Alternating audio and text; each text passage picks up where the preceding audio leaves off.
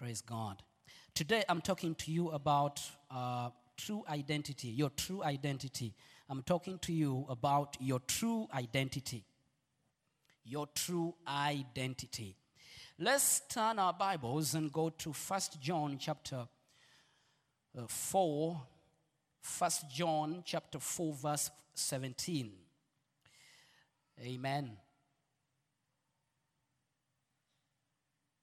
The Bible says, Love has been perfected among us in this, that we may have boldness in the day of judgment.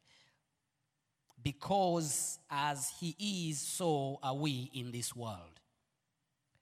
As He is, so are we in this world. As He is, so are we in this world. As He is, so are we in this world. As He is, so are we in this world. As He is, so are we in this world. As He is, so are we in this world. I say, as He is, so are we in this world. As He is, so are we in this world. As He is, so are we in this world. As Jesus is, so are we. The Message Bible says, Our standing in the world is identical with Christ's. Our standing in this world is identical with Christ's. Everywhere we go and everything we do, we are just like Jesus. That is our true identity. Every place you go to and everything you do, the Bible says you are just like Jesus. You are identical. You and Jesus are the same. You look alike. Hallelujah. Hallelujah. Everywhere you go and everything you do, you are just like Jesus. That is your true identity. I have come to realize that the greatest tragedy in our society today is identity crisis. The greatest tragedy in our society today is identity crisis. Our society is going through identity crisis. Our young people are going through identity crisis. Fathers and mothers and families are going through identity crisis. Some leaders, political leaders and religious leaders are facing this crisis. Identity crisis. The enemy is focused intensely on our thought life because from it, our whole life proceeds. Our whole life proceeds from the way we think. And the devil is focused on affecting how you think, changing how you think about your life, changing how you think about your today. The devil wants you to think otherwise. The devil doesn't want you to think like First John 4:17 says that you are like Jesus.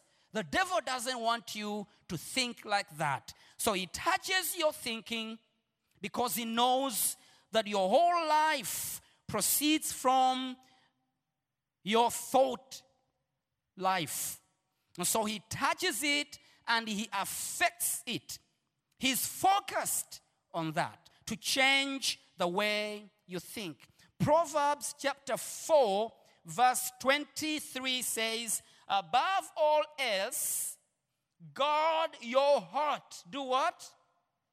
Guard your heart, for everything you do flows from it. So everything you do flows from how you do what? How you think. Touch your head and say, Lord, help me think right. Whatever you do, whatever you do, the Bible says, guard your heart, for everything you do flows from it. You become what you do what? What you think. You become like how you think. You always become what you think. If you think you're a failure, you will fail. If you think you are nobody, you will die a nobody. everything you do flows from how you think. Touch your head again and say, Lord, help me think right.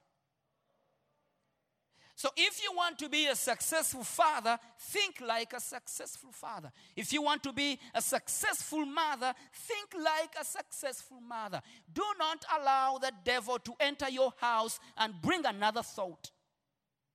Keep your heart, guard your heart, guard your thinking capacity, and let you keep only the thoughts of God.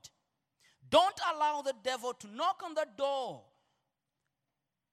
of your heart and you open it for him to come and bring another thought which is contrary to what God is saying.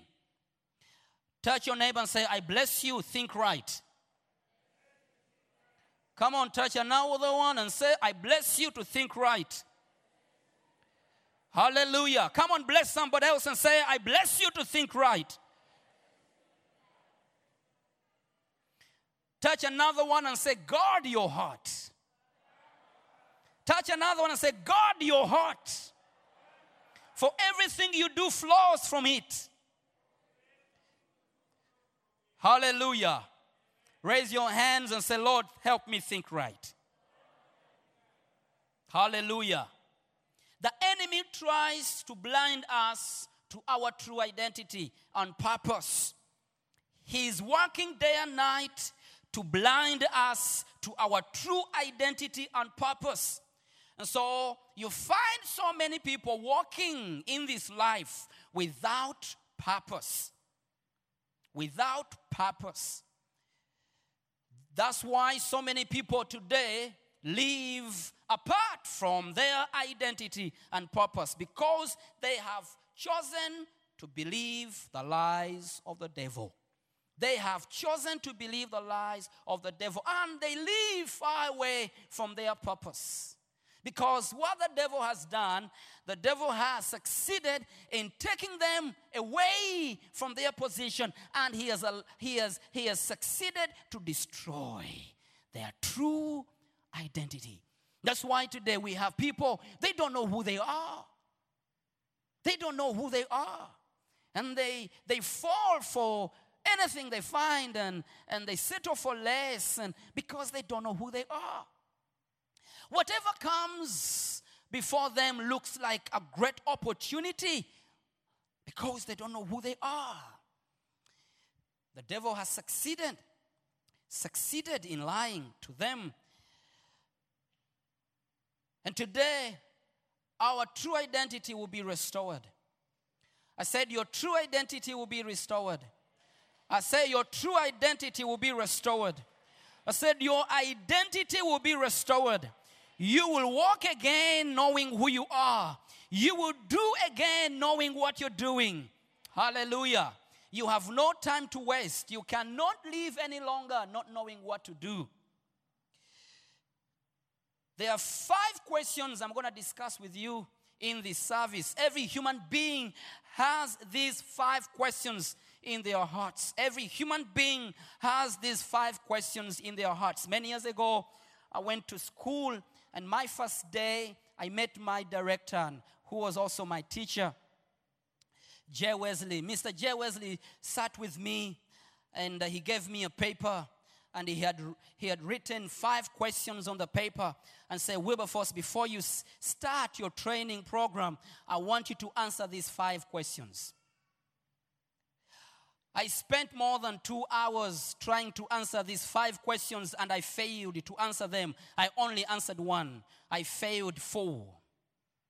More than two hours trying to answer these five questions and I failed four. Serious questions. Five questions I'm going to discuss with you. Many years later, after uh, my training, and many years after that, I was attending another training program by uh, a, man uh, who went to be with the Lord from the Bahamas. Um, Dr. Myles Munroe, and he was doing this leadership program, and I was going through the, the training materials they had given us, and I came across the same five questions. Five questions in the same order Then I realized these five questions are very important. Uh, I better concentrate to answer them. And after that, I began to look around and I realized these five questions control our society today. These five questions control families. These five questions control people. These five questions control leaders. They control how governments think. They control how society behaves. They control families. They control fathers and mothers and children, everyone.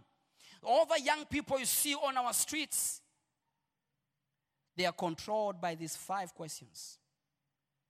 The prostitutes you find on the streets, they are controlled by these five questions.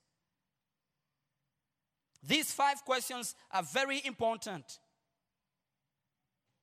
The professor who's about to retire and the young man who is just graduating, they are all facing these five questions. Our old grandfather who's about to die because of age, and a young man who is dating now, trying to find a wife, they are all controlled by these five questions. The poor man, homeless, living on the street, and the richest who's living in uh, Södermalm, they are all facing these questions. Five questions. Controlling everyone the poor and the rich, the single and the married. Whether you're working or jobless, every day you meet these five questions. Every single day. And guess what? Can I surprise you? At every level you go to, you meet these five questions. Every challenge that comes to you comes with these five questions. Every challenge, whether small or big, it will come with these five questions. In every challenge, you will meet these five questions. Have you heard the saying, new levels, new devils? Every level you go to, you're going to meet these five questions. You better answer them. Five of them, they control how you move, how you think, what you do. Five questions controlling the whole world the poor and the rich, the tall and huge Americans and, and the Chinese and the Africans are all trying to answer five questions. The first world and the third world are all trying to answer five questions. The big church and the small church, they're all trying to answer these five questions. I guess now you want to know about these questions. Five questions. Are you ready to write them down? Very serious. Mr. J. Wesley was a very tough man. He looked into my eyes and said, Did you answer them? I said, I did. And he said, No, you didn't.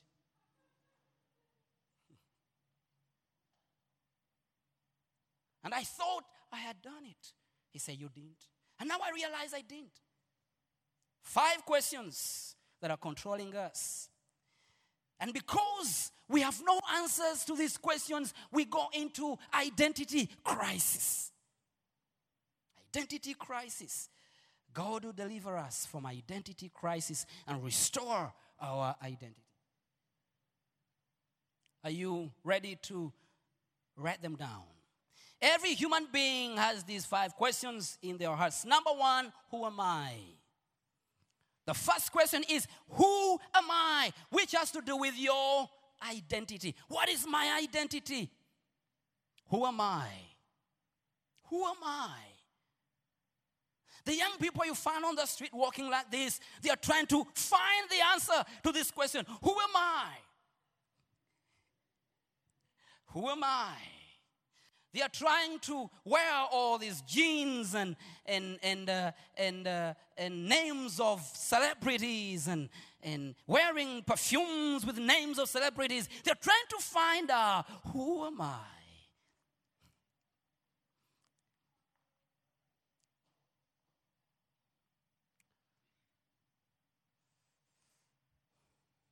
the politician who's campaigning now to go and represent someone or somebody or community or city in parliament, they are trying to find out who they are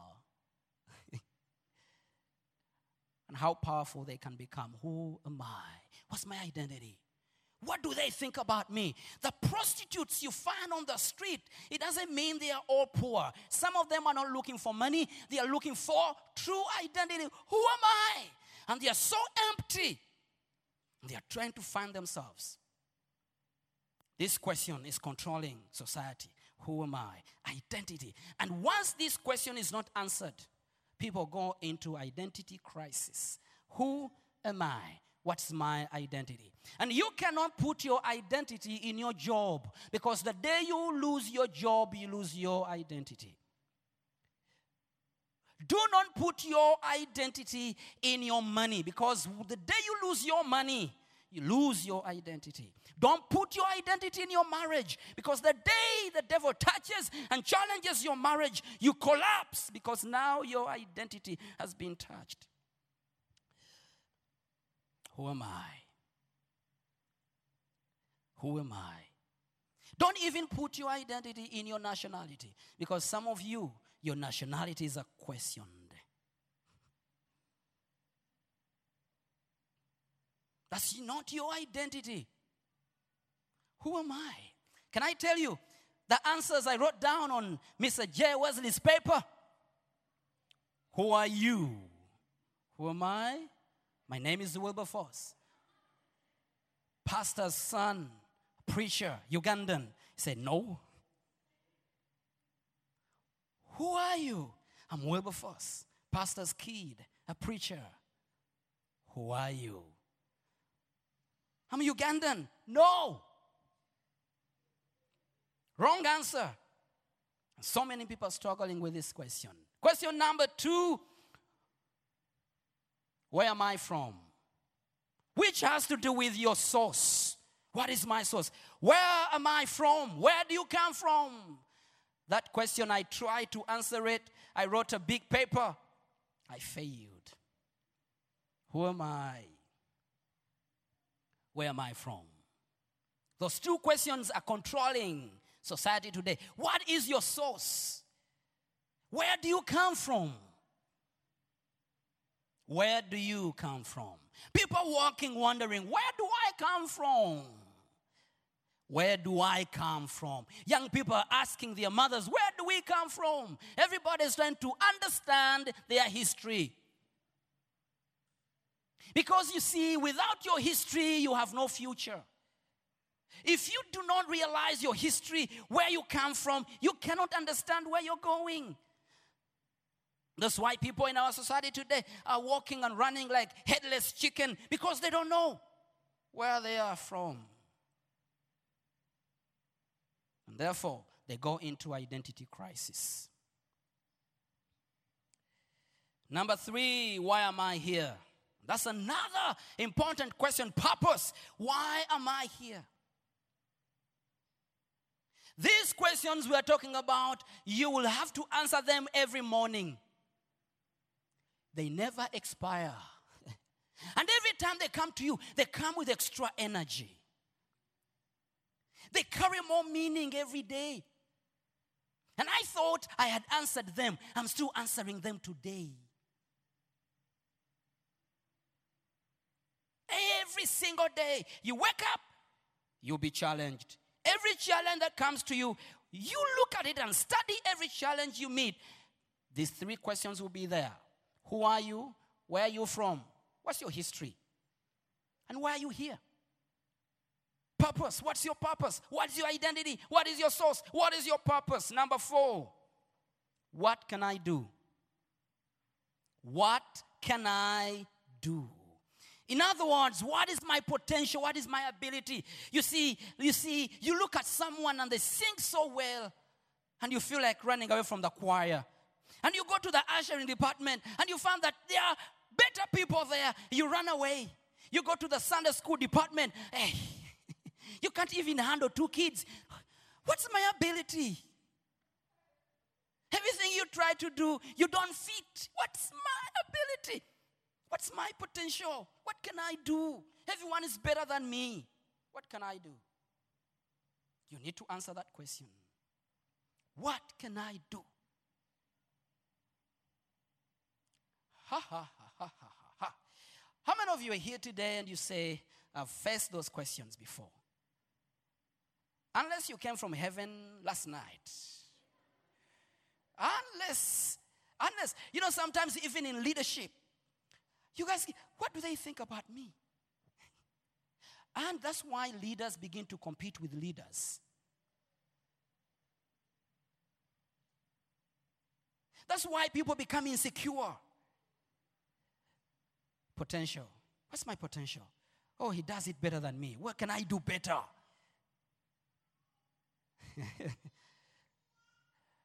that takes one into identity crisis.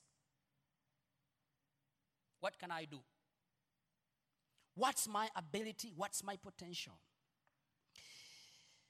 The last one, are you ready? Number five, where am I going? Destiny. Oh my goodness. And that's a powerful one. Where am I going? What's my destiny? Will I die tomorrow? What's my destiny? And some people are asking, what will, hap- what, what will happen if I die tomorrow? If I die today, where am I going? If this question is not answered, you go into what we call identity crisis. What is our destiny? Every one of you, you are moving because you want to reach somewhere, isn't it? You are doing everything you can to reach somewhere. Some of you sleep four hours a day. Why? Because you're chasing your destiny. Destiny is calling, and some of the people don't know where the voice is coming from. And they're so confused, doing everything they can to find the voice of destiny, and they cannot find it. Jumping from one marriage to the other, thinking your wife is the problem, your husband is the problem. No, you just need to find out where your destiny is. Jumping from one church to the other, trying to find your destiny destiny. Everybody's working so hard because of destiny. Destiny. Now I was, I was praying for this service. The Lord spoke to me and said, Destinies will be formed today. And those destinies that have been lost will be found in Jesus' mighty name. You a man and a woman of destiny. Everyone in the world, everyone in the world today, the poor and the rich are moving, going somewhere. If you go out right now, you're going to find the smartest, the most dirtiest, all of them are walking. Where are they going? Somewhere. And some people, they have no plan, but they are moving because everybody must move. One of the things my teacher, when I was in school, taught me was living things do what? They eat, they breathe, they move, they grow. You remember? Living things move. Why? Destiny. destiny. Even plants, they have a destiny. That's why every single day you find them growing taller. They're going somewhere. Destiny. You know, I had my babies when they were so young, and uh, I used to play with them. And today, I can see Daniela changing she used to walk like this, now she's walking like this. And I'm asking, what is happening? Destiny, she's going somewhere. Her body is now beginning to react. She's going somewhere. Destiny. And I'm like, what's happening to my daughter? You see, she's now changing. And, you know, she's doing what? Leaving. And now I'm beginning to think one day these girls will be out because you can't stop them. My daughter, who is 22 now, when she was very young, she was with me every time. Now I'm looking for her. Can we eat dinner? I'm busy, daddy. Destiny. She's moving. And I can't. Before I used to stop her. No, you're going to be with me. Today, destiny has changed everything. Destiny has made me keep quiet.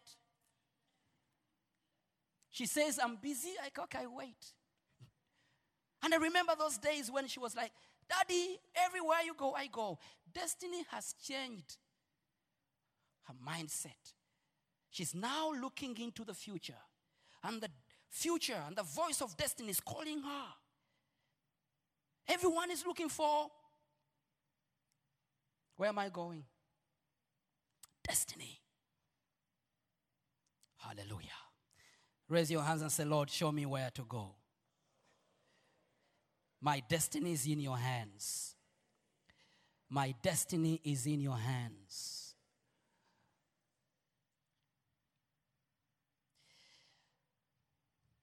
Whenever these questions are not answered, man goes into identity crisis. And I have also discovered that the poorest person on planet Earth is a person without identity. The poorest man is not the man without money, a man without a job is a man with no identity, a man who doesn't know where he's going. That is the poorest person on planet Earth. A man who doesn't have his identity, a man who doesn't know what to do right now, he has no idea. That's the poorest man. And we thought and we grew up thinking that all poor people have no money, have no food. No, poor people have no identity.